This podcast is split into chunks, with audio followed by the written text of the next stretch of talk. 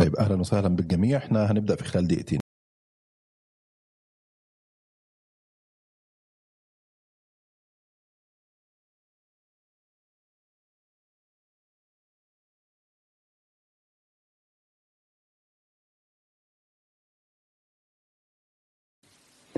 إذا ممكن المشاركين نعمل تويت للروم للحلقة على إنستجرام أو تويتر. هتلاقي الأوبشن موجود فوق على اليمين. هيكون ممتاز جدا بحيث نشجع الناس إن هم يشاركوا معانا. ونبدأ نتكلم عن زيارة رئيس دولة الاحتلال لتركيا الأسبوع.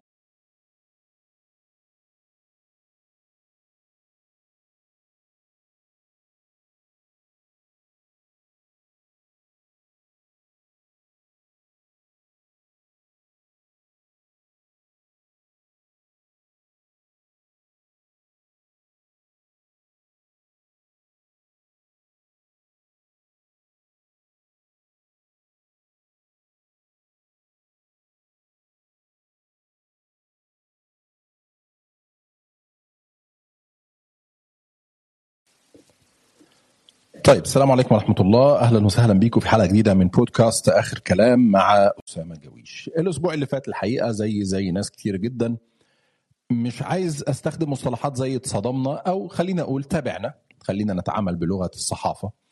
تابعنا استقبال الدولة التركية لرئيس دولة الاحتلال الرئيس الإسرائيلي في أنقرة استقبال رسمي.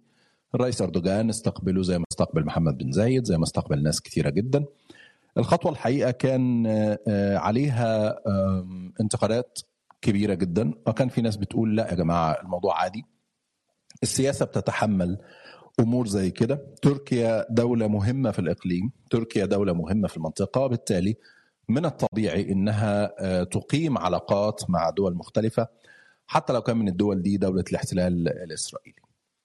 البعض تعامل مع القصة بالعاطفة بأن تركيا هي النموذج الإسلامي. من وجهة نظر البعض النظام اللي ناس شايفاه إن هو النموذج الأمثل للتجربة الإسلامية في المنطقة في العشرين سنة اللي فاتوا.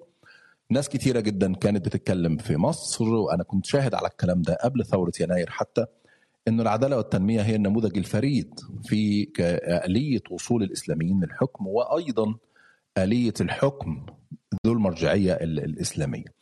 الرئيس التركي رجب طيب أردوغان لا يخفى على أحد أن كثير جدا من المتابعين بيلقبوا بالخليفة. في ناس بتقول اللقب ده وهي بتسخر وبتتريق وبتقول آه شوفوا الخليفة عمل الخليفة سوى. لكن في ناس وأنا أعرف عدد من هؤلاء بشكل شخصي مؤمنين فعلا ولديهم قناعة راسخة بأن رجب طيب أردوغان هو الخليفة الجديد للمسلمين هو الرجل الوحيد في العالم الإسلامي بل في العالم أجمع الذي يدافع عن المستضعفين في شتى بقاع الأرض هو الدولة الوحيدة والنظام الوحيد الذي فتح بلاده لجميع المستضعفين في الأرض بعد ثورات الربيع العربي.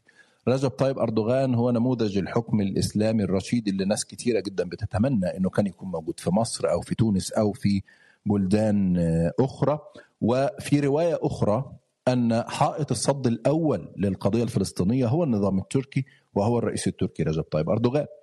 طيب اللي حصل إيه في الكام يوم اللي فاتوا؟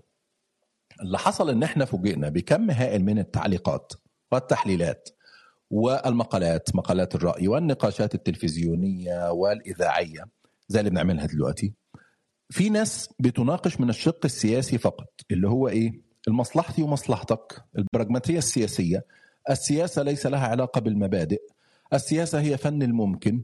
تركيا مقبلة على انتخابات رئاسية في 2023 الرئيس أردوغان من حقه أن يلعب بكل أوراقه الرابحة من حقه أن يتعامل مع جميع الدول من أجل أن يبقى في منصبه ويستكمل مشروعه اللي بدأه من 2002 لكن البعض الآخر تعامل مع القصة بمنطق العاطفة أو بلاش أقول العاطفة بمنطق المبدأ. أنا ليا مبدأ اسمه القضية الفلسطينية.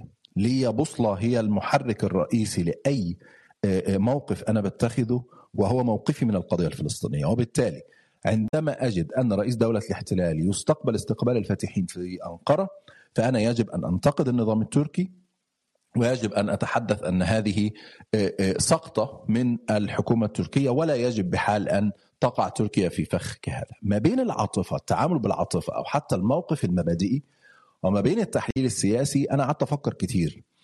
إيه أنسب زاوية نتكلم فيها في حلقة النهارده عن الموضوع؟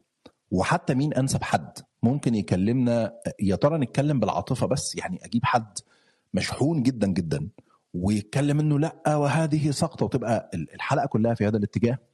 ولا أجيب حد مثلا ممكن يكون بيمثل النظام التركي ويتكلم عن تبريرات ما فعله الرئيس أردوغان وما فعلته الحكومة التركية. لكن الحقيقة كان الفيصل هي كلمة سمعتها من الصديق العزيز والضيف الرائع الحقيقة اللي منورني النهارده واللي برحب بيه دكتور سعيد الحاج. الفلسطيني المواطن التركي الباحث والمختص في الشؤون التركية لما طلع في حلقة تلفزيونية الأسبوع اللي فات وقال أنا قبل ما أقول التحليل السياسي أنا لازم أقول موقفي. الشخصي وهي للمرة الأولى اللي أنا هعمل فيها كده. كفلسطيني وكمواطن في الدولة التركية أنا اسجب وأدين هذه الزيارة ولا أتمنى أن تقيم تركيا علاقات مع دولة الاحتلال. وبالتالي كان يتوجب علي يعني من الأمانة أن إحنا نتكلم مع حد زي دكتور سعيد اللي هو المبدأ واضح عنده وفي أكيد عاطفة تجاه القضية الفلسطينية لكن في نفس الوقت في تحليل سياسي رزين وحكيم يخلو من العاطفة ويتحدث بالمنطق. أتمنى أنها تكون حلقة مفيدة للجميع وبرحب بالصديق العزيز الدكتور سعيد الحاج. أهلا بك دكتور. لو حضرتك تفتح المايك بس بتاعك يا دكتور أنا عارف ان أول مرة نستخدم ال application تعمل بس unmute للمايك بتاعك. الآن يفترض الصوت وصل دكتور؟ آه تمام كده سامعك كويس. أهلا وسهلا. مساء مساء الخير. تحياتي لك وللجميع المتواجدين وشكرا على هذا التقديم وهذا الكلام. أنا الحقيقة سعيد جدا بالتواجد مع حضرتك اولا ومع المستمعين ثانيا وفي موضوع من هذا النوع ثالثا أشكرك يا دكتور وعايز أقول لكل اللي بيسمعونا ده بودكاست تفاعلي. يعني حضرتك في أي وقت لو حابب تسأل سؤال مختلف مع اللي أنا قلته مختلف مع اللي الدكتور سعيد بيقوله عندك تعليق أو إضافة في زرار على اليمين تحت شبه سماعة التليفون. لو ضغطت عليه حضرتك بتظهر فوق في حاجة اسمها كولرز كيو زي طابور متصلين. أنا مش بستنى لآخر الحلقة عشان نشرك المستمعين على مدار الساعة. أي حد عنده سؤال في أي جزء من الحلقة بس اضغط على زرار الاتصال وهتكون معانا موجود ونبدأ النقاش. دكتور سعيد خليني بصراحة أبدأ معاك كده من الأول. يعني أنا أنا يعني أعرفك بشكل شخصي وأعرف مواقفك كويس لكن إيه أول انطباع جالك أو أول شعور حسيت بيه وانت ترى رئيس دولة الاحتلال في أنقرة يستقبل استقبال رسمي. يعني هو اولا شعور مؤسف الحقيقة الشعور بالمرارة ولكن لم يكن مفاجأة ابدا. الحقيقة أنه هذا المسار مسار التقارب يعني يمهد له من فترة طويلة جدا. وخلال الأسابيع والأشهر الماضية كان هناك مؤشرات وإرهاصات لهذا اللقاء بشكل واضح تقريبا. ثم أنه كان في إعلان عن تاريخ الزيارة. وكما سأقدم لاحقا الان إن شاء الله خلال الحلقة هناك أسباب ودوافع وسياقات كانت توضح بأنه هذه الزيارة سوف تتم وستتم في الطريقة التي تمت بها. وهذا سأعود له أيضا لاحقا في التحليل. لكن المرارة الحقيقة هنا سأختلف مع حضرتك في التقديم. الأمر أيضا حتى الذين يرفضون الزيارة لا يرفضونها من باب العاطفة. يعني أنا أزعم أنني سأقدم تحليلا يقول بأن هذه الزيارة أو ما يمكن أن تفتحه من تطوير في العلاقات بين تركيا وبين الكيان الصهيوني هي ليست فقط ضررا على القضية الفلسطينية ولكنها يعني ستأتي بأضرار على تركيا نفسها وأن تركيا لن تحصل من خلال من خلال هذه الزيارة وما بعدها أي فوائد مما تأمل به حاليا الدوافع والأسباب التي سوف نتحدث بها بعد قليل. وعندما نتحدث عن القضية الفلسطينية فأنا لا أتحدث بها كفلسطيني باعتبارها قضيتي وبالتالي أطلب من الآخرين أن يتضامنوا معي. أنا أفهم دائما القضية الفلسطينية بأصولها وجوهرها وجذورها بأن هناك مشروعا استعماريا غربيا زرع دويلة اسمها إسرائيل في هذه المنطقة لإضعاف وتقسيم وتهميش المنطقة بعمومها كل شعوبها ودولها وتحديدا الدول القوية والفاعلة فيها والسياسة الخارجية الإسرائيلية على مدى عقود الحقيقة منذ مبادئ بريجنسكي وغيره. يعني ركزت على هذا الأمر ان الدول القوية والفاعلة تحاصر تشغل بمشاكل حدودية أو بمشاكل داخلية وصراعات اثنيه وعرقية ومذهبية لتبقى السيطرة والغلبة والتفوق العسكري والمادي فقط لما يسمى بدولة إسرائيل، ولذلك أنا لا أتحدث هنا مرة أخرى بالعاطفة فقط لكن أتحدث بدوافع ومنطلق جيوستراتيجي في تقييم آه، رغبة تركيا اليوم في التقارب مع الكيان الصهيوني طيب ده يمكن يطرح السؤال المباشر وهو لماذا تتقارب تركيا مع إسرائيل الآن؟ وهل هذا تقارب جديد أم أن العلاقة أصلا علاقة جيدة بين تركيا وإسرائيل؟ هذا هو منبع الجدل الحقيقة دكتور أسامة، منبع الجدل بأنه في المبدأ العام التطبيع لا يختلف اثنان في جموع الأمة على ادانته ورفضه والتنديد به. باستثناء بعض بعض الأشخاص الذين يمكن أن يعني يدور في فلك بعض الأنظمة فيبرر لها ما تريد، لكن في العموم ليس هناك في الأمة في عمومها الحقيقة والشعوب والنخب والشباب وما إلى ذلك من يؤيد مسار التطبيع مع الكيان الصهيوني. على أقل تقدير قبل أن يأخذ الفلسطينيون بعد حقوقهم عند عند الكثيرين ممن يؤمنون مثلا بالحل السياسي. المنطلق الثاني أن الأمر يعني ينطبق الآن على تركيا من زاويتين، الزاوية الأولى أن تركيا لديها علاقات مؤسسة مع دولة الاحتلال منذ 49 كانت للأسف أول دولة ذات أغلبية مسلمة تعترف بالكيان بعد تأسيسه. وثانيا أن النظام الحالي بقيادة أردوغان هو نظام ناجح أولا داخليا على مدى العشرين سنة الماضية حقق إنجازات كبيرة لبلده وأيضا له مواقف في السياسة الخارجية كثيرة ما يعجب بها الناس. وثالثا أن مواقفه حتى في القضية الفلسطينية آه، في السنوات القليلة الماضية أيضا يعني آه، مقدرة ومشكورة. وبالتالي أصبح الأمر ربما فيه جدل نوعا ما. آه، هل هذا تطبيع أم لا؟ وهل هذا مضر أم لا؟ وهل يغفر للنظام التركي أو للرئيس أردوغان ما يفعله الآن من باب الاضطرار أو من باب الخلفية التاريخية لهذه العلاقات أو أو إلى آخره. شوف أنا أعتقد إنه هناك مسار عام في السياسة الخارجية التركية فرض هذا الأمر وهناك شيء متعلق بدولة الاحتلال نفسها. المسار العام هو سعي تركيا منذ السنة الماضية لمحاولة تهدئة الأزمات في السياسة الخارجية ومحاولة الاستثمار السياسي في تهدئة العلاقات مع بعض الدول التي كانت خصمة لها أو منافسة لها على أقل تقدير في الإقليم على مدى على الأقل ثمان سنوات ماضية ومحاولة فتح أبواب الحوار والتعاون وما إلى ذلك. ورأينا مسارات مع مصر مع الإمارات مع السعودية حتى مع أرمينيا واليونان طبعا بدرجات نجاح متفاوتة. هذا الأمر يعود لمثلا الإدارة الأمريكية الجديدة وأولوياتها بالنسبة للمنطقة الفكرة الاتفاق النووي الايراني المحتمل بعض النزاعات الإقليمية التي لم تؤدي لانتصار طرف على آخر ليبيا كذا إلى آخره وبعض إنجازات حتى السياسة الخارجية التركية في القوقاز وليبيا ومحاولة تثميرها سياسيا. فضلا عن العامل الأساس والجوهري بالنسبة لتركيا محاولة تهدئة الأوضاع لرفض الاقتصاد بمسارات إيجابية وهي على أبواب انتخابات 2023 التي توصف هنا بأنها مصرية وحاسمة وحساسة واستثنائية وما إلى ذلك. هذا مسار عام تشترك فيه دولة الاحتلال مع الأطراف الأخرى. لكن هناك أيضا مسارات خاصة متعلقة بالاحتلال. أعتقد في مقدمتها اثنان. الأول أن تركيا تقليديا تنظر إلى العلاقة مع تل أبيب على أنها أحد مفاتيح العلاقة مع واشنطن. وأن علاقات جيدة معها سوف تؤدي لترطيب الأجواء أكثر فاكثر وتدفئتها مع الإدارة الأمريكية وتركيا تريد ذلك الحقيقة كما تحاول مع أطراف مختلفة. والأمر الثاني لب المسألة وجوهرها أن هناك آه، اهتماما تركيا بالملف الغاز الطبيعي في شرق المتوسط وأن آه، إسرائيل أو دولة الاحتلال بالنسبة لها شريك محتمل من جهة وربما من خلال هذا التقارب تستطيع أن تخلخل التحالف المواجه لها والمناكف لها في شرق المتوسط محور آه، اليونان، قبرص، مصر، إسرائيل والمدعوم اماراتيا وفرنسيا والذي تجاهل إلى حد كبير جدا حقوق تركيا في شرق المتوسط وهذا أمر متعلق بالتنافس الجيوسياسي في المنطقة ومتعلق بأمن الطاقة ولذلك له أولوية كبيرة في السياسة الخارجية التركية. من هنا تحديدا بعض القرارات الأمريكية والفرنسية الأخيرة مثل سحب دعم واشنطن لمشروع إستمد بين إسرائيل واليونان لتوريد الغاز إلى أوروبا. ووقف بعض الشركات الأمريكية والفرنسية التنقيب في مناطق متنازع عليها بين اليونان وتركيا. وكأنها آه، آه، رفعت سقف التوقعات في تركيا بأنها يمكن أن تكون هي بديلا لليونان لدى آه، الكيان الصهيوني. وبالتالي رسم مسارات للغاز من إسرائيل إلى تركيا عبر تركيا إلى أوروبا. وبالتالي هذا أيضا مكسب لتركيا. من هذه الزاوية ربما كان الأمر دافعا لتركيا أكثر من السابق ربما. وأعتقد أنها أفادت من التغيير السياسي في دولة الاحتلال في حزيران الماضي عندما أتت الانتخابات بالرئيس هيرزوغ من جهة وذهب نتنياهو التي كانت تركيا تقليديا تحمل وتحمل حكومته مسؤولية تردي الأوضاع بين الطرفين. وبالتالي أصبح هناك فكرة انه هناك يعني نخبة سياسية دعني أقول جديدة في تل أبيب. يمكن أن ينسج معها مسار للعلاقات وأعتقد أن هيرزوغ كان تجاوبه أكبر لعدة عوامل قد نعود لها لاحقا وبالتالي رتب هذه الزيارة ولكن أجلت أكثر من مرة لأن أمامها عقبات حقيقية أيضا يمكن أن نتحدث بها بعد قليل. طيب دكتور أنا بس أستأذنك لو تقرب من المايك شوية أو من التليفون شوية عشان الصوت يبقى أوضح.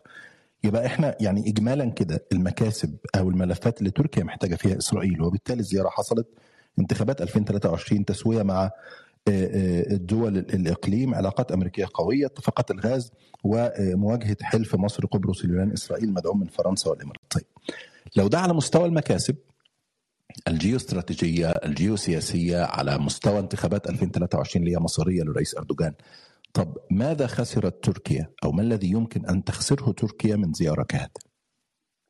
يعني اولا هي خسرت الانطباع والصورة لأنه كما ذكرت حضرتك في مقدمتك هي تركيا أردوغان دائما ما قدمت نفسها على انها يعني تنتهج سياسه خارجية مبادئية قيمية معينة إن كان في مواقفها السياسية وإن كان باستضافة المعارضة أو المضطهدين بين المزدوجين في بعض الدول العربية أو مواقفها من بعض الانتهاكات هنا وهناك. خطابات أردوغان في الأمم المتحدة التي كانت دائما ما تتحدث عن عموم مشاكل العالم الإسلامي وليس فقط عن تركيا وإلى آخر هذه هذه السلسلة. هنا تركيا خسرت الصورة الحقيقة خصوصا وأنها كانت حتى السنة الماضية تدين تطبيع الإمارات والبحرين والمغرب وما إلى ذلك مع الكيان الصهيوني بل إنها اعتبرت اتفاقات ما سمي اتفاقات إبراهام بين البحرين والإمارات ودولة الاحتلال بأنها طعنه لحقوق الشعب أو خيانة لحقوق الشعب الفلسطيني وقالت إنها تفكر بأنها تسحب سفيرها من أبو ظبي لهذا لهذا يعني الخطر الداهم. وثانيا لأنها كانت تشترط شروطا لتطوير العلاقات مع إسرائيل، خمسة شروط كان ذكرها وزير الخارجية التركي. من ضمنها العودة لمفاحثات سلام ووقف الانتهاكات ضد الفلسطينيين وإلى آخره، لم يحصل منها أي شيء، وبالتالي أعتقد هنا في هذا المسار خسرت تركيا معنويا إنجاز التعبير أو رمزيا، لكن عندما نتحدث عن نافذة أولى أو محطة أولى لمسار قد يأتي بتطوير كبير للعلاقات بين الطرفين، أعتقد أن المخاسر هنا ستكون مفتوحة على أمور استراتيجية، دعني أقول إنه وهنا ما كنت أقول إنه تحليل بالنسبة لتركيا. في العموم رغم الخلفية التاريخية للعلاقات بين الجانبين ورغم بعض المناطق المشتركة ورغم عضوية تركيا في حلف شمال الأطلسي والرغبة الأمريكية في أن تجمع أنقرة وتل أبيب مع بعضهم البعض لكن في العموم في السنوات القليلة الأخيرة على أقل تقدير رؤية كل من الجانبين لمختلف قضايا المنطقة وللسياسة الخارجية متناقضة وليس فقط مختلفة. يعني هما متناقضان هما على طرفي نقيض. بالتالي انظر للقضية الفلسطينية شرق المتوسط بعد ثورات العالم العربي غيرها من الملفات ستجد أن إسرائيل في طرف وتركيا في طرف. ثانيا إسرائيل مضرة بتركيا وخصمة لها في عدد من الملفات ذات البعد الأمني القومي بالنسبة لتركيا. في سوريا هناك علاقات لإسرائيل مع المجموعات الانفصالية والمصنفة كمنظمات إرهابية والتي تعتبرها تركيا خطرا على أمنها القومي. تركيا جزء من تحالف كما ذكرت قبل قليل مع الخصمة التقليدية والتاريخية القومية والدينية والسياسية والجيوسياسية لتركيا والتي هي اليونان. وملف شرق المتوسط مرة أخرى هو الملف الأولوية الآن في السياسة الخارجية التركية. إسرائيل على رأس وفي مقدمة هذه الدول التي تتجاهل حقوق تركيا وتحاول أن تحشرها في الزاوية وتدين أنشطتها التنقيبية في شرق المتوسط وما إلى ذلك. كردستان العراق التي ترفض تركيا تأسيس دويلة فيها تعتبرها أيضا خطرا على أمنها القومي أحد الروافد والدواء والداعمين كان للاستفتاء على الاستقلال في 2017 كان دولة الاحتلال رابعا وليس أخيرا. اللوبي الصهيوني في الولايات المتحدة الأمريكية تاريخيا وتقليديا مؤخرا يحرض ضد أردوغان وضد تركيا والعلاقات مع الولايات المتحدة الأمريكية بالنسبة لتركيا ليست هامشية ابدا. وبالتالي في مجمل العلاقات إسرائيل في طرف تركيا في طرف هما خصمان وليس ملتقيان في يعني في بعض الملفات مثل إيران الحرب الأخيرة في أوكرانيا العلاقة مع واشنطن قد تكون تجمعهما لكن في المسارات الأساسية التي تعتبرها تركيا امنا قوميا لها إسرائيل هي في الطرف المضر بتركيا. ولذلك أنا أعتقد أن نظرة تركيا بعيدا عن موضوع الغاز الذي هو أهمية وأولوية هي تنظر بنفس النظرة لبعض الدول الأخرى. هي تحاول أن تدور زوايا الخلاف تهدئ الضغوط على نفسها أكثر مما هي تحلم أو يعني تتعشم بتحالف استراتيجي آخر مع الاحتلال كما كان سائدا ربما في تسعينات القرن الماضي. طيب جميل. أنا أنا بس بذكر المستمعين إن دي نافذة تفاعلية فأنت بالتالي ممكن تشارك معنا بطرح سؤال أو بمناقشة ما يطرحه الدكتور سعيد أو تختلف مع حاجة أنا بقولها. دكتور أنا عايز يعني أقف معاك عند قصة الخسارة المعنوية. أنا أتذكر منذ سنوات ونحن في مصر قبل الثورة حتى قبل 2011 رجب طيب أردوغان كان بالنسبة لنا هو البطل اللي انسحب من منتدى ديفوس قدام شيمون بيريز وترك له القاعة وقال لن أتي لديفوس مرة أخرى. وكنا دايما بنتندر شوفوا عمرو موسى المصري وقف يسقف لأردوغان وأردوغان البطل هو اللي سابه وخرج. وبالتالي تكونت الصورة الذهنية عندنا كلنا. وبعدها ما حدث في سفينة مرمرة إن لأ ده ده حائط الصد الأول عن القضية الفلسطينية. ده أكبر داعم في العالم. لا يمكن أن تضام فلسطين وتركيا في ظهرها. وهي دي اللي ممكن تواجه دولة الاحتلال.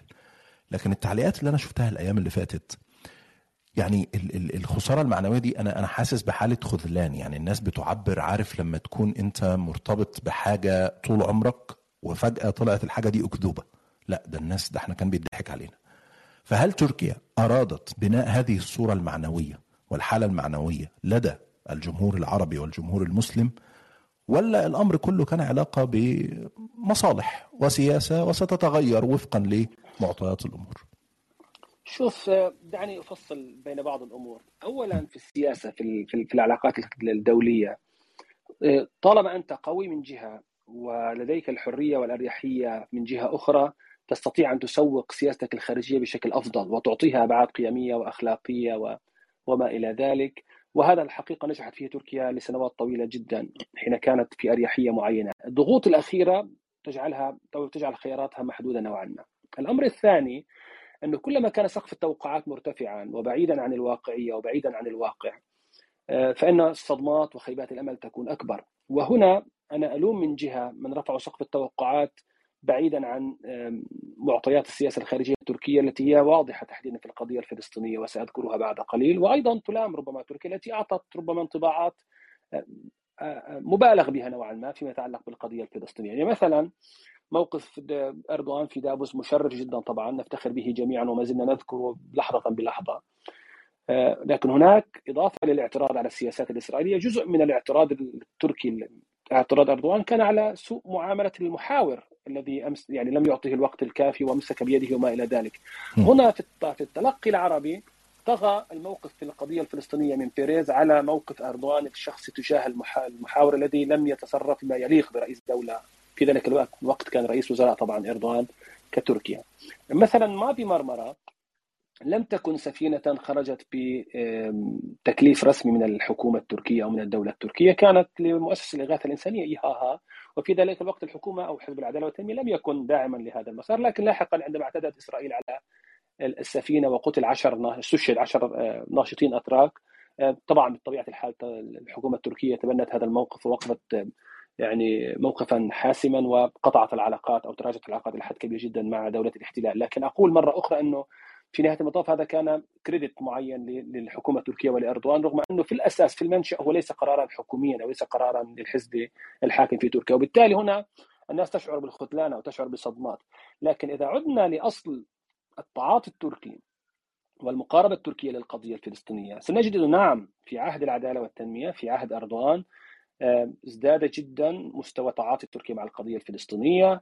تحديدا على المستوى السياسي والدبلوماسي والإنساني والإعلامي لكن هناك مساحات لم تستطع تركيا ولا يتوقع منها أن تدخلها لأن امامها كوابح معينة. يعني لا ننسى أنه حتى اللحظة تركيا لديها اولا خلفية العلاقات مع الكيان الصهيوني ولديها بعض المؤسسات التي ليست خالصة تماما وتابعة لاردوغان وليس متحكما بها بالضرورة في دولة مثل تركيا. نظامها السياسي معقد وهي جمهورية وهناك نظام ديمقراطي وشخص مثل اردوغان لا ينتخب بأكثر من 52% مثلا.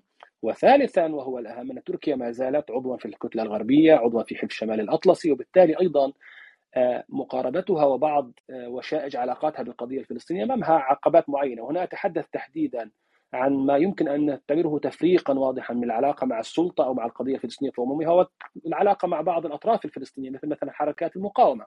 هذه مثلا فيها بعض التحفظات ربما أو المطبات المعينة. وبالتالي خلال السنوات القليلة الماضية تركيا قطعت اشواطا مهمة مثلا في دعم مسار السلطة أمم الامم المتحدة وطلب عضوية مراقب دولة غير عضو في الأمم المتحدة الشجب والتنديد بالممارسات الإسرائيلية قيادة العمل الدبلوماسي الإسلامي عبر الرئاسة الدورية لتركيا لمنظمة التعاون الإسلامي. لدى العدوان على غزة أو لدى العدوان على الشيخ جراح أو, إلى آخره أو على القدس عفوا ونقل السفارة الأمريكية للقدس وما إلى ذلك.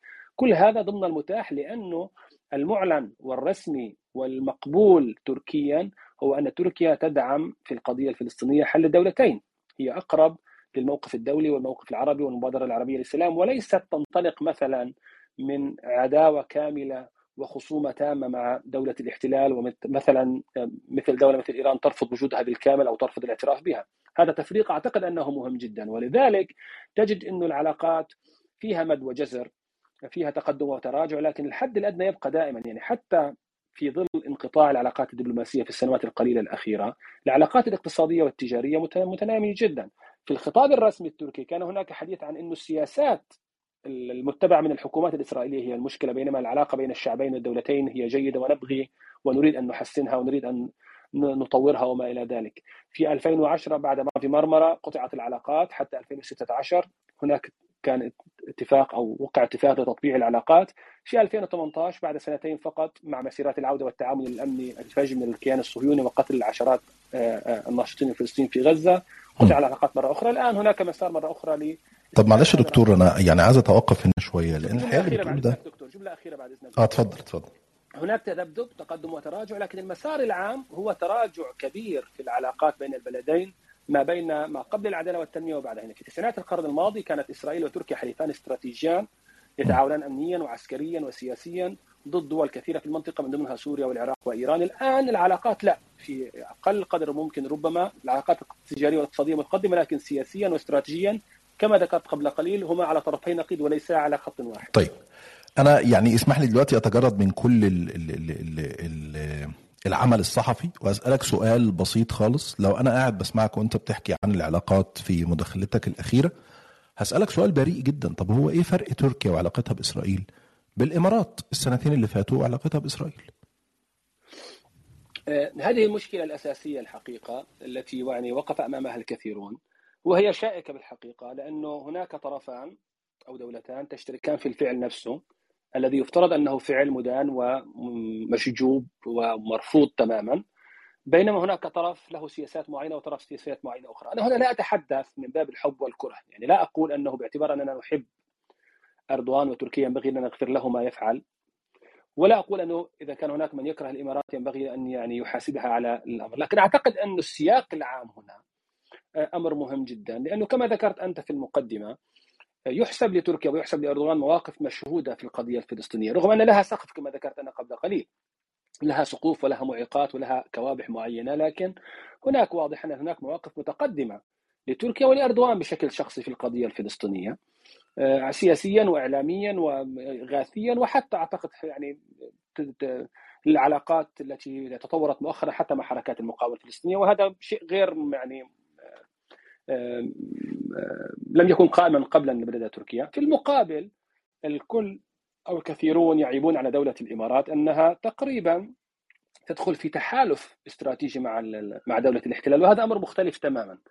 يعني اولا الإمارات هي دولة عربية قبل أن تكون دولة مسلمة وبالتالي مسؤوليتها تجاه القضية الفلسطينية أنا أعتقد نظريا أكبر من مسؤولية تركيا. ثانيا لم يكن هناك علاقات سابقة بين الإمارات ودولة الاحتلال، الإمارات الآن أنشأتها من الصفر رغم أنها تاريخيا في عهد الشيخ زايد كانت لها مواقف مشهودة أيضا ضد التطبيع وضد العلاقات مع الاحتلال، بينما تركيا لديها هذه الخلفية من العلاقات.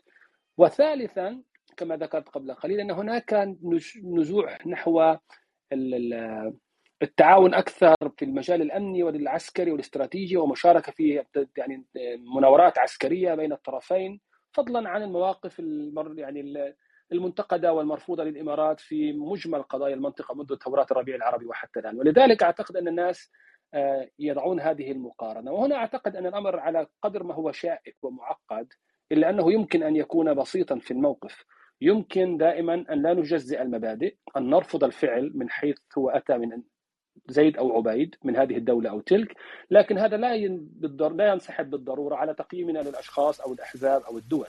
بمعنى يمكن أن تبقى على حبك لأردوغان وتركيا لما قدمه ويقدمانه، لكن هذا لا ينبغي أن ينسحب على أن تكون مبررا لخطوة تطبيعية من هذا النوع أو تطوير العلاقات مع الكيان الصهيوني. ويمكن لك أن ترفض هذه الخطوة وأن تدين هذه الزيارة بكل العبارات المطلوبة لأنك تقف على ثغر معين وتقف على مبدأ معين بعيدا عن العاطفة لكن هذا أيضا لا يعني أنك تنسف تماما تاريخ آه، تركيا وأردوغان في القضية الفلسطينية، لكن مرة أخرى ليس هناك تساوي نعم في مستوى التطبيع وفي العلاقات المنسوجة بين الجانبين.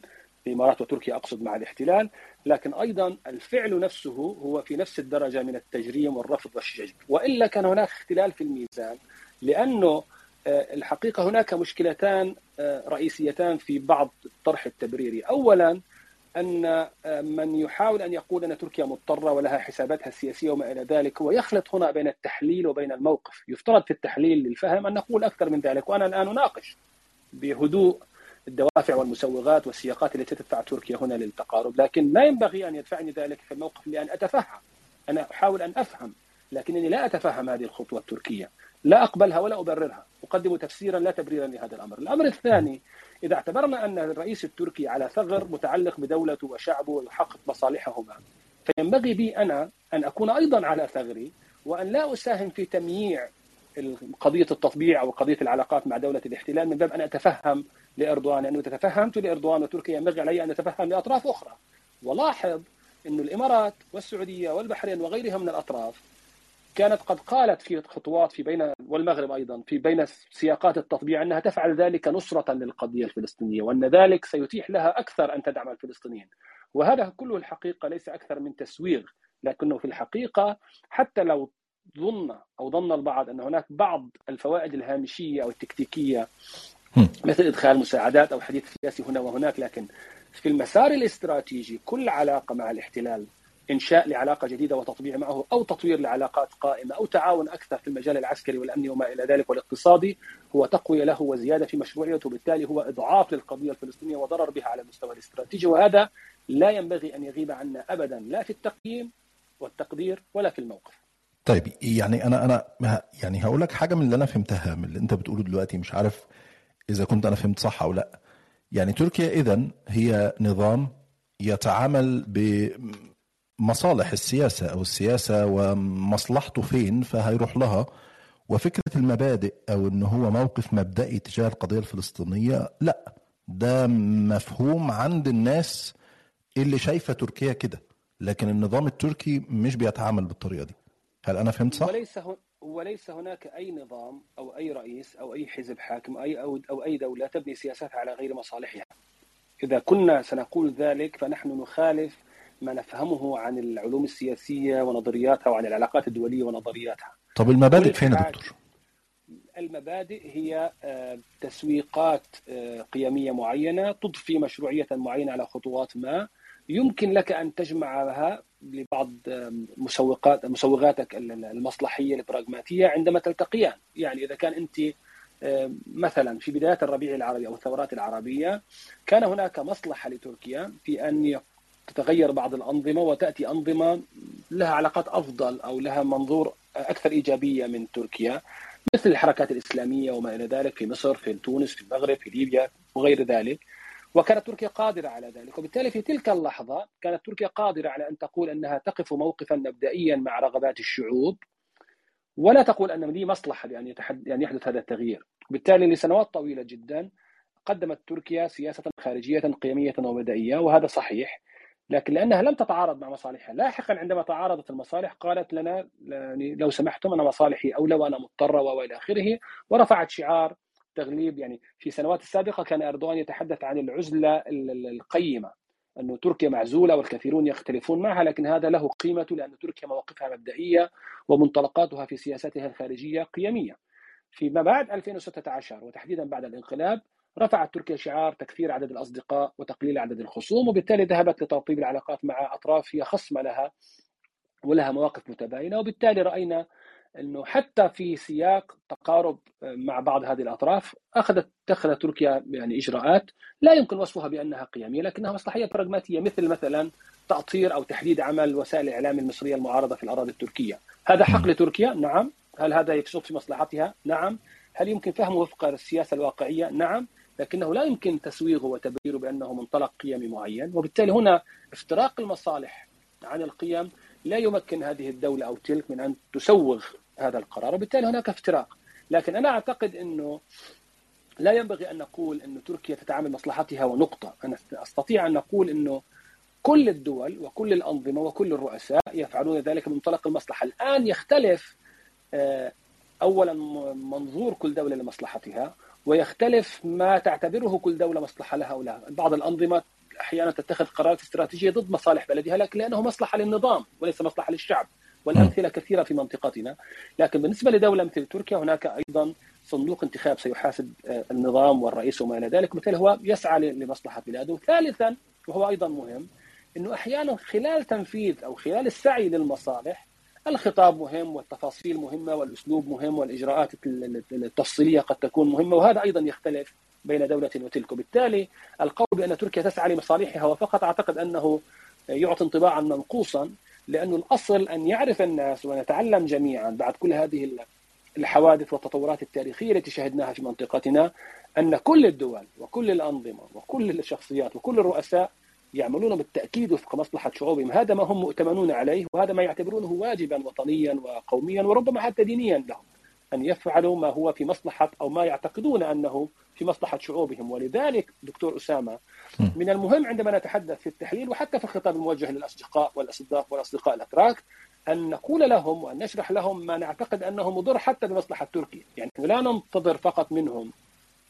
أن يضيعوا على أنفسهم ما يعتبرونه مصلحة خالصة لتركيا في سبيل نصرة ودعم والتضامن مع القضية الفلسطينية. نحن نقول لهم لا التقارب مع الاحتلال والتطبيع معه لن يأتي بخير على تركيا بل سيأتي بأضرار والأمثلة ماثلة.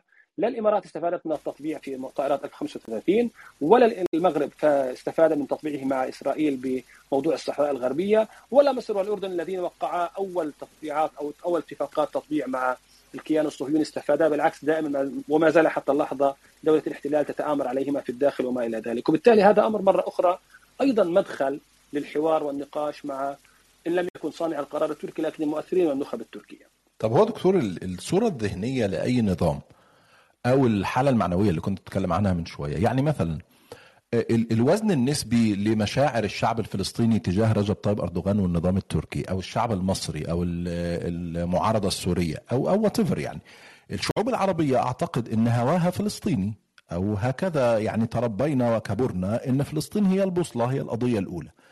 إلى أي مدى فكرة الحب أو الكره من الشعوب العربية أو نظرتهم لنظام أردوغان مؤثر في اتخاذ القرار التركي؟ لا هو غير مؤثر. هنا دعنا نفرق دكتور أسامة بين إدراك تركيا بأن القضية الفلسطينية قضية مفتاحية في المنطقة. أي دولة أو أي نظام يريد أن يكون له تأثير ودور ووزن في الإقليم يكون له مقاربة معينة في القضية الفلسطينية. يعني البعض تضامنا البعض انخراطا البعض حتى تآمنا قد يكون. لكن القضية الفلسطينية من زواياها المختلفة هي قضية مفتاحية باعتبار أنها ترتبط ب يعني رمزيتها التاريخية المعروفة في العالم العربي والإسلامي، وثانيا باعتبار الكيان الصهيوني قوة موجودة في هذه المنطقة، وثالثا وهو قد يكون من الأهم أيضا مقاربة الولايات المتحدة الأمريكية التي دعم دولة الاحتلال هو أحد أسس سياستها الخارجية المتعلقة بمنطقة الشرق الأوسط، ولذلك تركيا تدرك هذا الأمر واستفادت منه كثيرا، مقاربة القضية الفلسطينية يعطيها رمزية ويعطيها قوة ونفوذا وأدوارا معينة شهدناها على مدى السنوات الماضية. لكن هذا مختلف عن أن الدول لا تبني سياساتها الخارجية وتحديدا فيما يتعلق بالتنافس الجيوسياسي في المنطقة وما يتعلق بأمنها القومي من من زاوية مشاعر الناس أو مشاعر أو محبة الشعوب الأخرى. أولا أن ذلك غير مؤثر. وثانيا لأنه في نهاية المطاف آه، آه، الدولة أو النظام يسعى لرضا شعبه وليس رضا الشعوب الأخرى. هذا فيه يعني نوعا ما اختلال قد يكون في الموازين. وثالثا في نهاية المطاف الذي سيحدد آه، مصلحة تركيا كدولة وحتى مصلحة الرئيس والنظام هو صندوق الانتخاب لاحقا. وصندوق الانتخاب آه، معاييره قد تكون اقتصاد وسياسة داخلية وأمور معينة ليس من ضمنها آه، محبة الشعب الفلسطيني أو محبة المعارضة السورية أو ما إلى ذلك رغم أنه بطبيعة الحال الأجهزة أو الهيئات الأخرى التابعة للدولة أو النظام تقوم بهذه العملية. يعني عملية التسويق والدعاية والبروباغندا ليست جزءا من مدخلات صانع القرار لكنها جزء من من مسؤوليات مثلا وزارة الخارجية ووزارة الإعلام وسائل الإعلام المختلفة مؤسسات البحثيه النخب وما إلى ذلك. وهذا مشغول عليه في نهاية المطاف. كل الدول تفعل هذا الأمر. لكن ليس هذا عاملا اساسيا محددا لصانع القرار عندما يتخذ قرارا مثلا يتعلق بالعلاقة مع تل أبيب. طيب خلينا نروح لبعض المتصلين. وعايز أقول لكل اللي بيسمعونا إحنا باقي معانا ثلث ساعة في الحلقة لأن إحنا هنختم على راس الساعة إن شاء الله. فلو في أي أسئلة دي الوقت ده الوقت المناسب إن حضراتكم تضغطوا على زرار الاتصال وتشاركونا النقاش. أحمد لو تفتح المايك بتاعك بعد إذنك وتقول مشاركتك. اتفضل. حياك الله دكتورنا اسامه أهلا وسهلا. أستاذ سعيد. الله يحييكم. سعداء بالتواجد معك. أنا فقط لدي مداخلة على أنا اختلف تماما أحمد. مع استاذنا الكريم أحمد الصوت مش سعيد واصل كويس. بسط القيم عن السياسة أو بسط مبادئ عن السياسة. صوتك لو- مش واصل كويس. ممكن نعم. تعيد من الأول؟ آه، الان وصل كويس أو آه، أنا قلت إني اختلف آه مسموع. والآن اتفضل تختلف مع مين. حياك حياك الله حياك الله. العفو. أنا قد فقط كان عندي مداخلة بسيطة هو أني أختلف مع مع دكتورنا مع الأستاذ سعيد على موضوع فصل القيم أو المبادئ عن السياسة. لو عملنا بهذا المبدأ معناها أن إحنا مضطرين لنتفهم آه، التطبيع الإماراتي وتطبيع آه، المصري وكذلك تطبيع السلطه الحاكمة في آه، سلطة فتح يعني محمود عباس. أعتقد أن فصل القيم عن السياسة هذا يفتح والمبادئ عن السياسة يفتح لنا باب كبير جدا.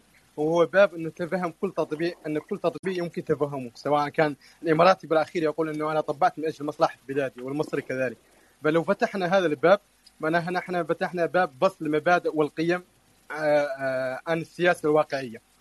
آه، قد نتفهم يعني خاص لا لا لا أنا أعتقد إن الشعوب العربية والإسلامية تفاجأت بهذه اللحظة اللي استقبال الرئيس اردوغان الرئيس الكيان الصهيوني يعود بالأول إلى شخصية الرئيس أردوغان بنفسه ظهر دائما بمظهر الرجل الشجاع الذي يقاوم يقاوم إسرائيل حتى على المستوى الإعلامي آه، موقفه الشهير مع شارون وكذلك دعمه لل- لل- للحركه المقاومه الفلسطينية الأقل شعبيا واعلاميا.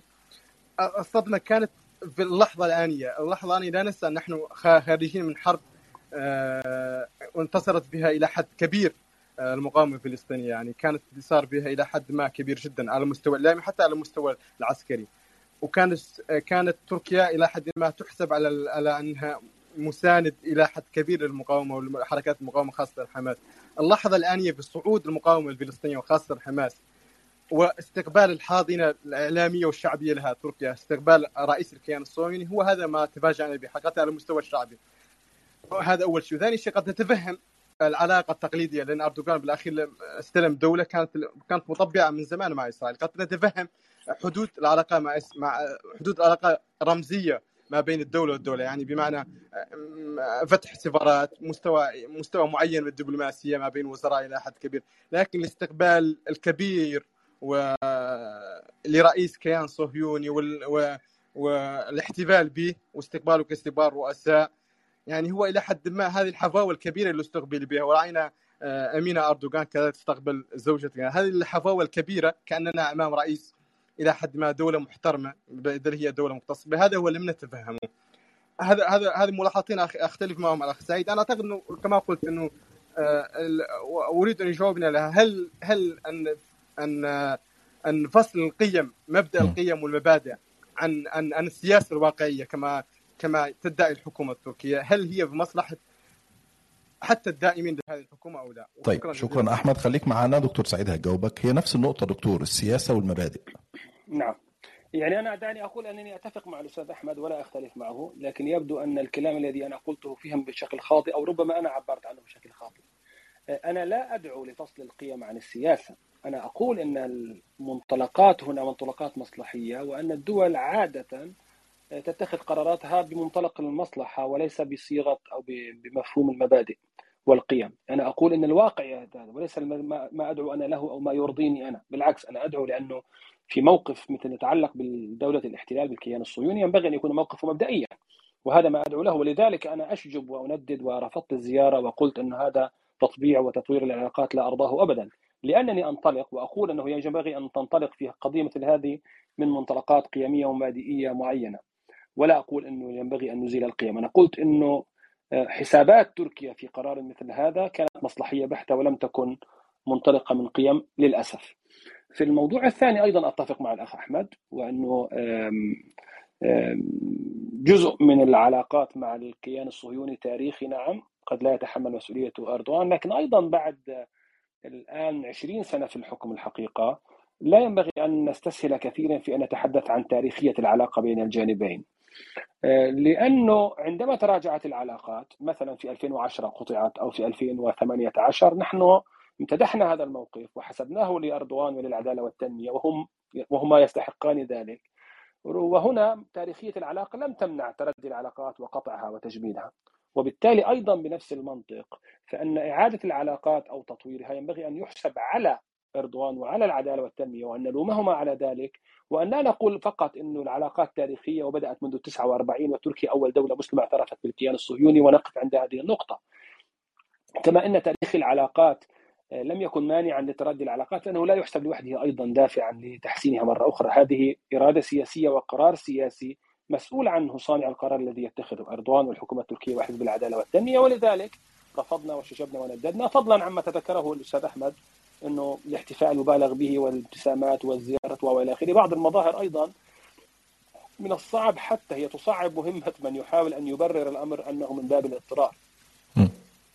فنحن متفقان ولسنا مختلفين يعني.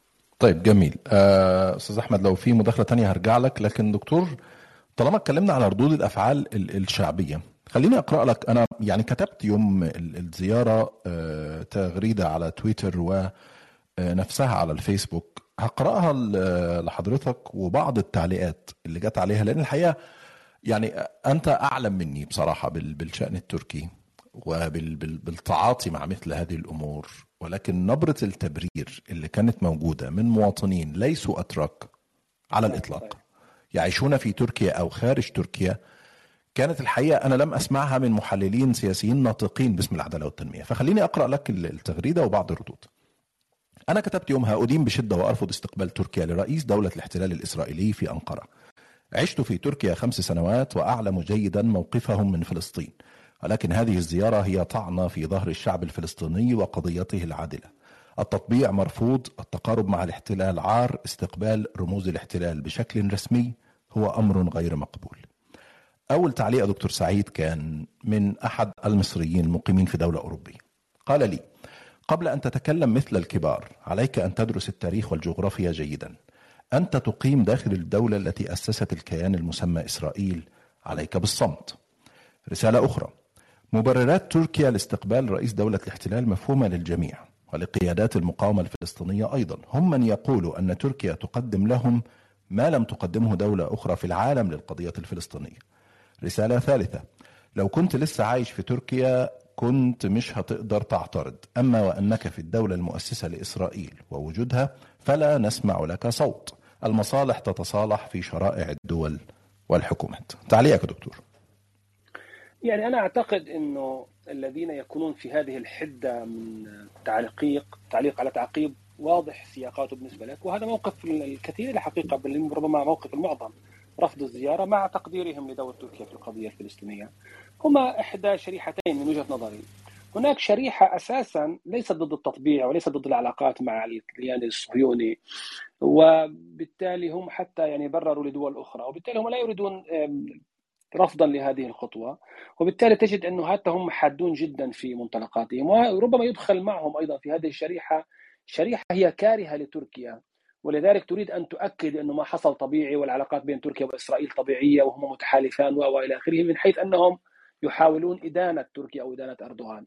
لكن أعتقد أن الشريحة التي ينبغي أن نتحدث عنها هي الشريحة الثانية التي آه، أحبت تركيا وأردوغان كثيرا وقدرت لهما مواقفهما الكثيرة والمتعددة في كثير من قضايا المنطقة والعالم ولا يكاد لا تكاد هذه الشريحة تتخيل أن أردوغان يمكن أن يخطئ أو يمكن أن يعني يصدر عنه شيء يضر بالقضية الفلسطينية أو ما إلى ذلك.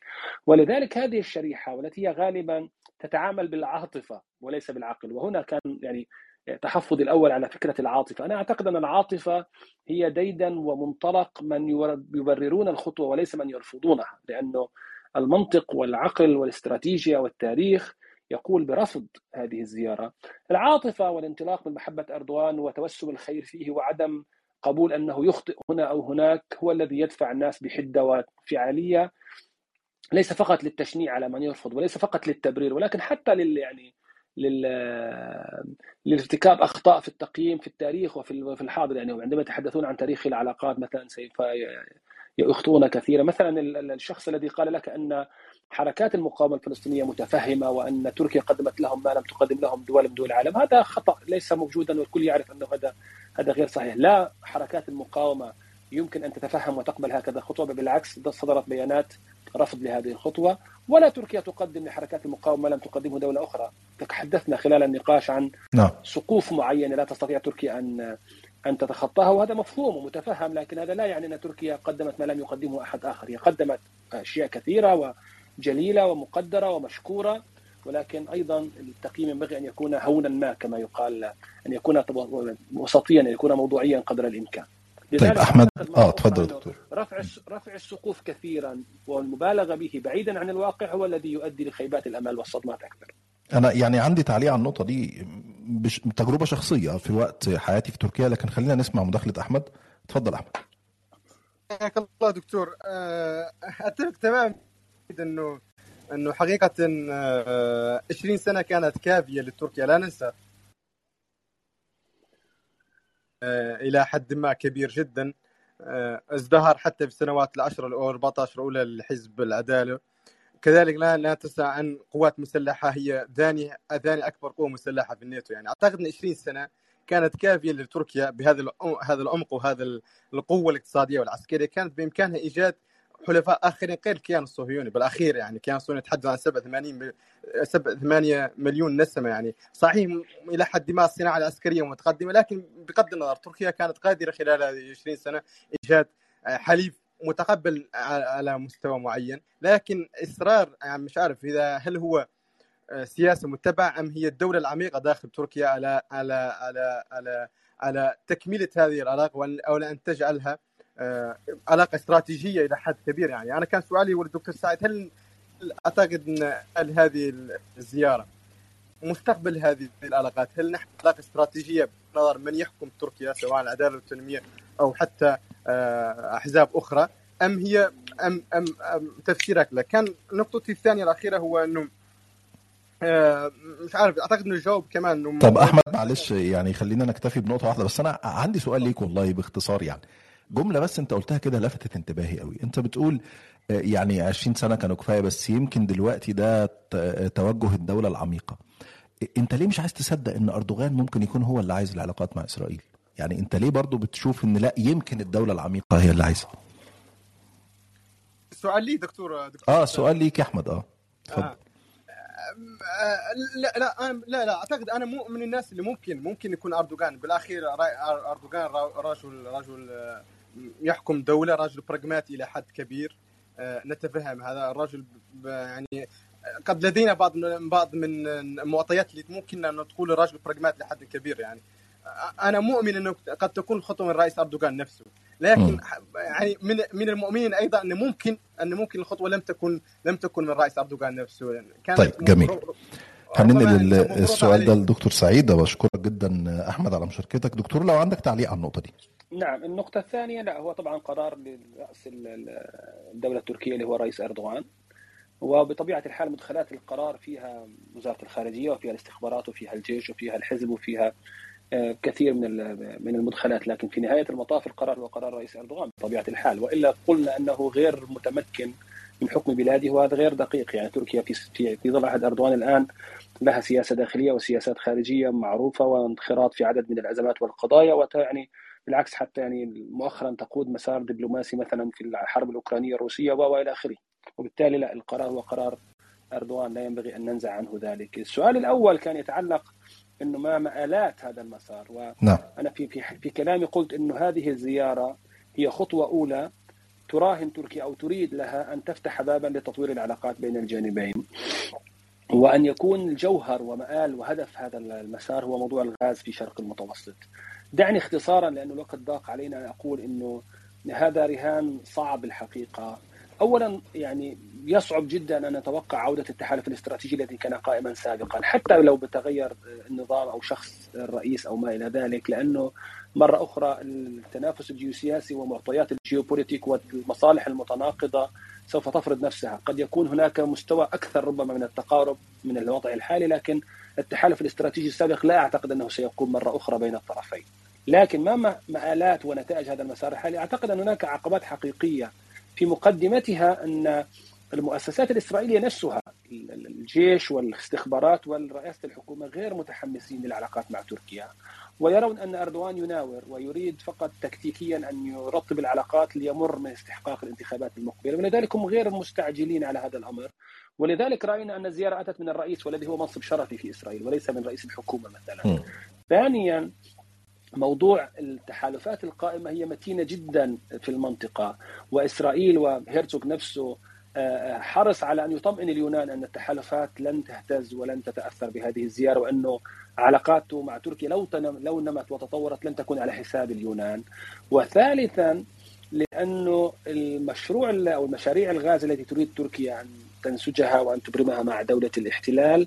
هناك نقاش وجدل كبير حول جدواها الاقتصادية والسياسية ومدى واقعيتها فعلا إنه ربما لن يمكن ابدا. كما أن اليونان لن تستطيع أن تمد مشروع غاز في ظل رفض تركيا ربما أيضا لن تستطيع تركيا أن تمد مشروع غاز مع دولة الاحتلال في ظل رفض اليونان. فضلا عن مواضيع طبعا قيمية وقانونيه وسياسية إنه هذا غاز إسرائيلي ولا فلسطيني ولبناني وهل المقاومة الفلسطينية سيكون لها موقف معين؟ تذكر إنه خلال الحرب الأخيرة أطلقوا صواريخ ووقفت أنشطة تنقيب في بعض الأحواض التابعة لدولة الاحتلال وبالتالي هذا أمر أيضا أمر في الميزان. لكن حتى من الجدوى الاقتصادي يعني فكرة المد الأنابيب واستخراجها وما إلى ذلك أنها ليست مجدية اقتصاديا في ظل أسعار النفط في العالم.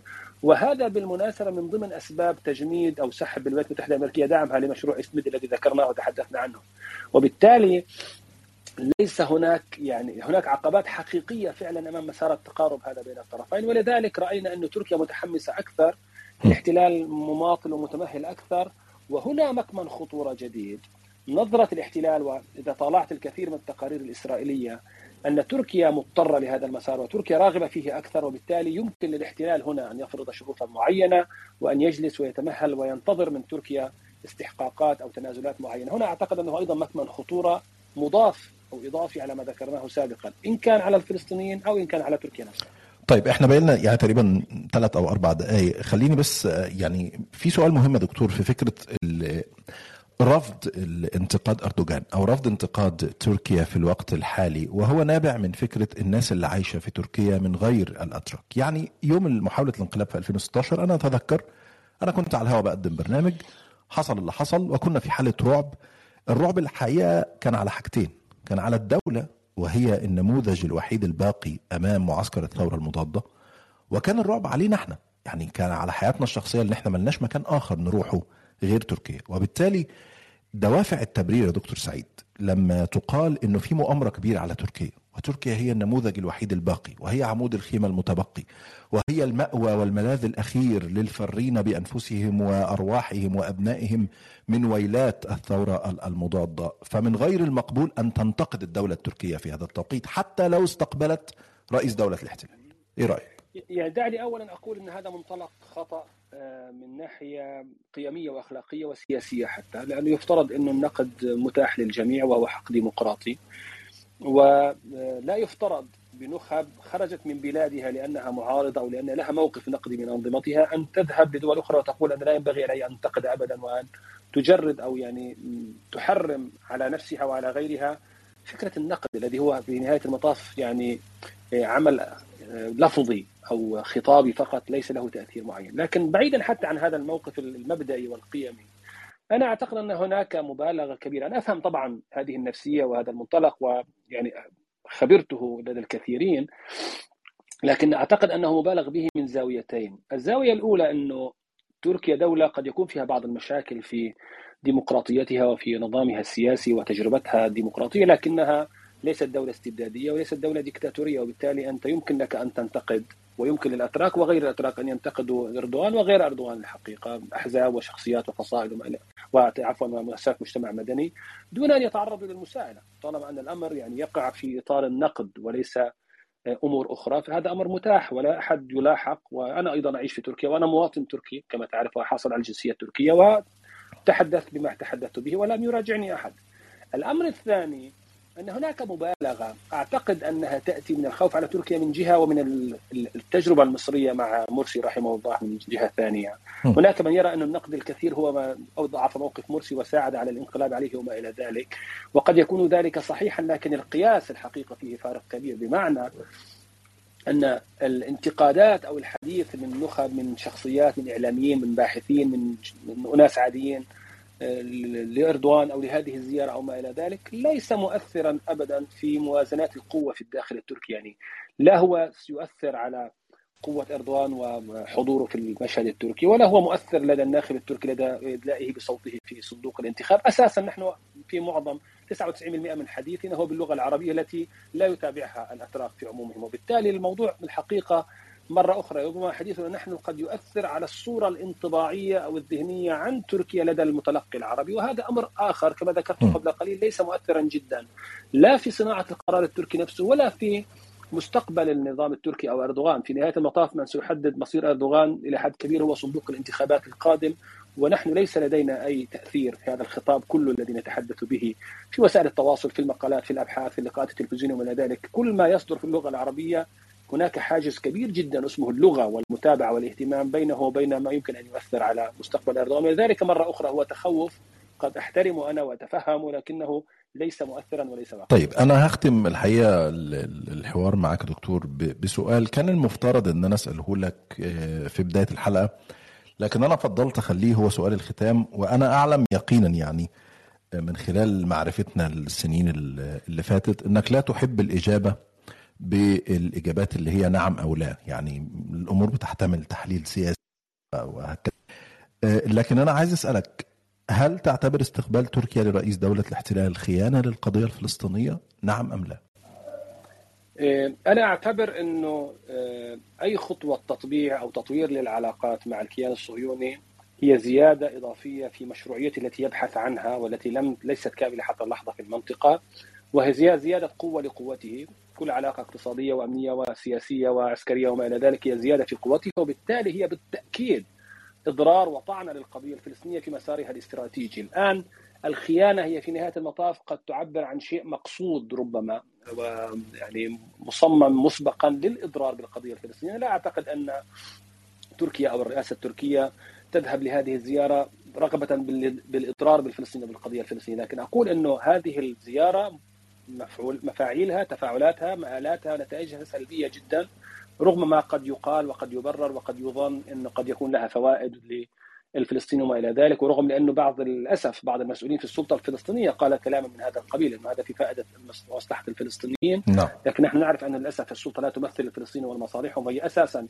جزء كبير من عملها هو تعامل أمني حتى مع الاحتلال لكن عفوا هذه الزيارة وأمثالها هي ضرر خالص للقضية الفلسطينية في مسارها الاستراتيجي وفي صراعها مع الاحتلال. مرة أخرى باعتبار أن القضية الفلسطينية هي تمثيل لمشروع استعماري غربي زرع في هذه المنطقة للإضرار بكل عناصر هذه المنطقة من شعوب ودول وأنظمة وتركيا ليست استثناء في هذا الإطار. أشكرك. شكرا جزيلا دكتور سعيد. الحاج الصديق العزيز والباحث المختص في الشؤون التركية حوار الحقيقة كان ممتع وشيق. أشكرك على صراحتك ووضوحك دايما وتحليلك الرزين في مثل هذه المواقف. شكرا جزيلا دكتور نورتنا. شكرا دكتور أسامة سعدت بالتواجد معكم وإن شاء الله أكون أستطيع يعني أستطعت أن أقدم شيء يكون فيه بعض الفائدة للمستمعين الذين أيضا أرسل لهم كل التحايا. اشكرك كان حوار شيق. الحقيقة كلمة ختامية قبل ما نختم الحلقة. فلسطين هي البوصلة هي القضية هي الهوى هي الروح هي النفس هي الحلم. هي الحاجة اللي إحنا تربينا عليها في مصر في تونس في المغرب في الجزائر في كل بقاع الأرض إن فلسطين هي الحلم اللي انت عايز تحرره في الآخر وعايز تعيش عشان تصلي في المسجد الأقصى. ولذلك مفيش نظام أغلى من القضية الفلسطينية ومفيش شخص أو سياسي أهم من القضية الفلسطينية. على قدر محبتك لرجب طيب أردوغان على قدر محبتك وامتنانك للدولة التركية ولكل ما قامت به تجاه الشعوب العربية والمطاردين وأنا شخصيا وزوجتي وأمي وأبي وأبنائي وأصدقائي منهم آوتنا يوم أن خذلنا المصريون وطردونا من بلادنا على قدر كل ده لازم تنتقد تركيا في موقف زي ده وتقول لهم ما ينفعش ما يصحش. حتى لو لم يصل صوتك زي ما دكتور سعيد قال لأنك بتكتب بالعربي ولكن انت مع نفسك انت بتحترم نفسك بتحترم مبادئك بتحترم قيمك وبتوفي حق القضية الفلسطينية وحق أهل فلسطين في رقبتك. هنقابل ربنا. كل واحد هيقول هو عمل إيه لهذه القضية للمسجد الأقصى للقدس للمستضعفين في فلسطين. فعلى الأقل تكون قلت كلمة حق حتى لو على ناس انت شايف ان هم قريبين منك جدا وداعمين ليك جدا وبيساندوك جدا أعتقد إن الحق احق أن يتبع يعني. مرة ثانية بشكر دكتور سعيد الحاج وبشكر كل اللي شرفونا في حلقة النهاردة من بودكاست آخر كلام. نشوفكم السبت الجاي إن شاء الله زي النهاردة الأسبوع القادم. السلام عليكم.